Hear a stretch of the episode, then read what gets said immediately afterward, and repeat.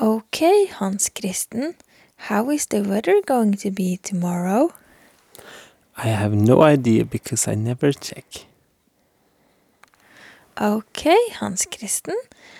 Why is it considered to be more appropriate to wear a suit in a serious occasion than jeans? Because of old ways of thinking about things, and that jeans were like working clothes, I think, and more like cheaper clothes, while a suit is expensive and uh, a more proper th- thing to wear in many people's eyes. That's what I think. What do you think? Okay, Hans Christen. Why is pepperkake called pepperkake when the recipe doesn't contain any pepper? Um,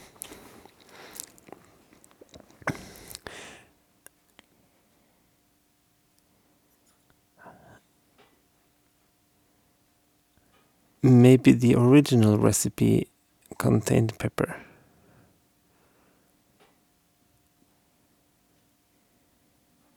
But, well, not like English pepper, not like bell pepper. But I don't know. Uh, maybe it's because it's like a spice cake. A cake that contains spice. But in English it's called gingerbread. So why is it called gingerbread when it's not a bread? You're not going to answer that, are you? You're just asking the questions. Okay, Hans Christen. Why is glug called glug when it doesn't necessarily makes you smart? Ooh. I think it's called glug because it comes from glühwein. Uh, but how glühwein became glug, I'm sorry, I don't know. Okay, Hans Christen. Why isn't call glögg called glügg? Maybe it was. Maybe that's uh, how it all started. Uh, but why isn't it just called glühwein or glühwein? I don't know.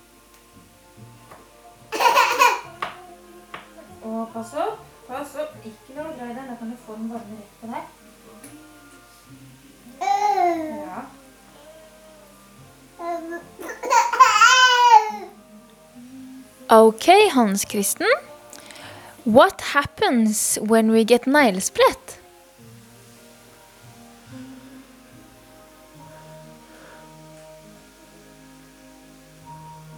I'm afraid I can't answer that question. We get very cold and then it hurts so bad when it's cold, but it even hurts when it gets warm again. At least while while it get warms, it gets warm. But I don't know why. Sorry. Okay, Hans Christen, can you find it out, please? Yes, I will go and check. Neglesprett er en overfladisk frostskade rett og slett har du fått neglesprett, skal du varme opp fingre og eller tær så fort du kan, men ikke bruk for sterk varme, for det er heller ikke bra. Kroppstemperatur er fint, så benytt armhulene dine egne eller andres. Ok, Hans Kristen. Can you tell me why people are so obsessed with svor? Uh, I do believe it's because people need something to talk about before Christmas. Because it's pretty much the same all the time. Where are you going to spend Christmas? And in the uh, TV, it's always like, oh, so what are your Christmas traditions? And then you just you just need something to. You need some drama. and there comes this svor, I think. Uh, so it's uh, so yeah. So I think it's it's because of that something to be uh, worried about and interested in before Christmas. Something you need to to get just right, and also I think it's a symbol of a, a successful Christmas dinner. If this svor is perfect. Okay, Hans Christen.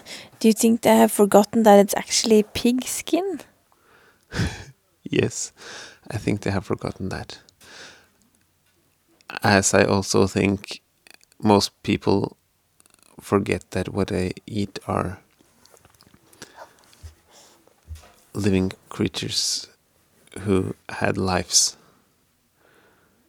but who now die are, but who are now dead because these people think they have the right to eat them. Okay, Hans Christian. How do you think the people who eat cod for Christmas Eve feel when everything is about svor and pinnekjøtt? I think they feel a bit superior, that they are a bit above the rest. Because uh, uh, the feeling of being different is uh, often pretty great. And especially because I think people who eat cod for Christmas thinks that cod tastes a lot better than the ribbe and svor. Okay, Hans Christen. How do you think people who eat eggplant for Christmas Eve feel when it's so much about the svor and the pinnekjøtt? I think maybe we also feel just a little bit superior, but maybe just more. Uh, or maybe we feel like a bit on the outside. Like we are. It's all about the dead animals. And not. I don't think like. Uh, then the usual angle in media, for instance, before Christmas, the usual angle is not about the climate, for instance, or it's not about how to use resources in a good way. Uh, and that makes the eggplant people stand a bit on the outside and maybe feel like it, it doesn't so much belong to us. This svor and ribbe celebration. Okay, Hans Christen. How can you know if there are birds living in a tree? Oh, well, you can see if you you can look and see if you if you find a nest, because if you find a nest, then then you can see if there are birds flying into it and out of it. Then you can know for sure that there are birds living there. But um, but I don't know if you. Uh, I don't know if you can always know if they're like high, high up in a tree. But you, if you sit there and watch whether there are birds flying to and fro, then maybe you'll find out. If there are never any birds flying to and fro, then uh, there probably aren't any birds living there. Okay, Hans Christen. What is happiness? Happiness. Uh, it's an impossible uh, question to answer, I think, I'm afraid. Um, happiness is uh, maybe the feeling that everything's fine. But it can't be as simple as that. I don't, I'm afraid I can't answer it properly. Okay, Hans Christian, Why do you answer me in English? Because you ask me in English. That's why. Okay, Hans Christian, so if I ask you in trønder, uh, hva er det egentlig du liker å lese da? Men hvis du spør meg på trønderdialekt, så går det ut fra at du skjønner dialekten min. For eh, spør du meg på norsk, så svarer jeg på norsk, altså. Ok, Hans Christian. Kan du få Men nå, nå svarer jeg ikke på spørsmålet ditt, da. Nå sa jeg bare det med direkte. Husker ikke hva spørsmålet var. Why you answer me in English? Men jeg kommer ikke hva du spurte på trønderdialekt. Eh, for bok du liker å lese? Hvilken bok jeg liker å lese? Uh, Eldrimsorgen i Øvre Kågedalen. Ok, Hans Christen, Which song is the coolest song to play on a, a, a record player? Du, det tror jeg kanskje er Computer Love til Kraftverk. Nei, det er ingen vits å spørre retur, for du er ikke en maskin, du. OK, Tine.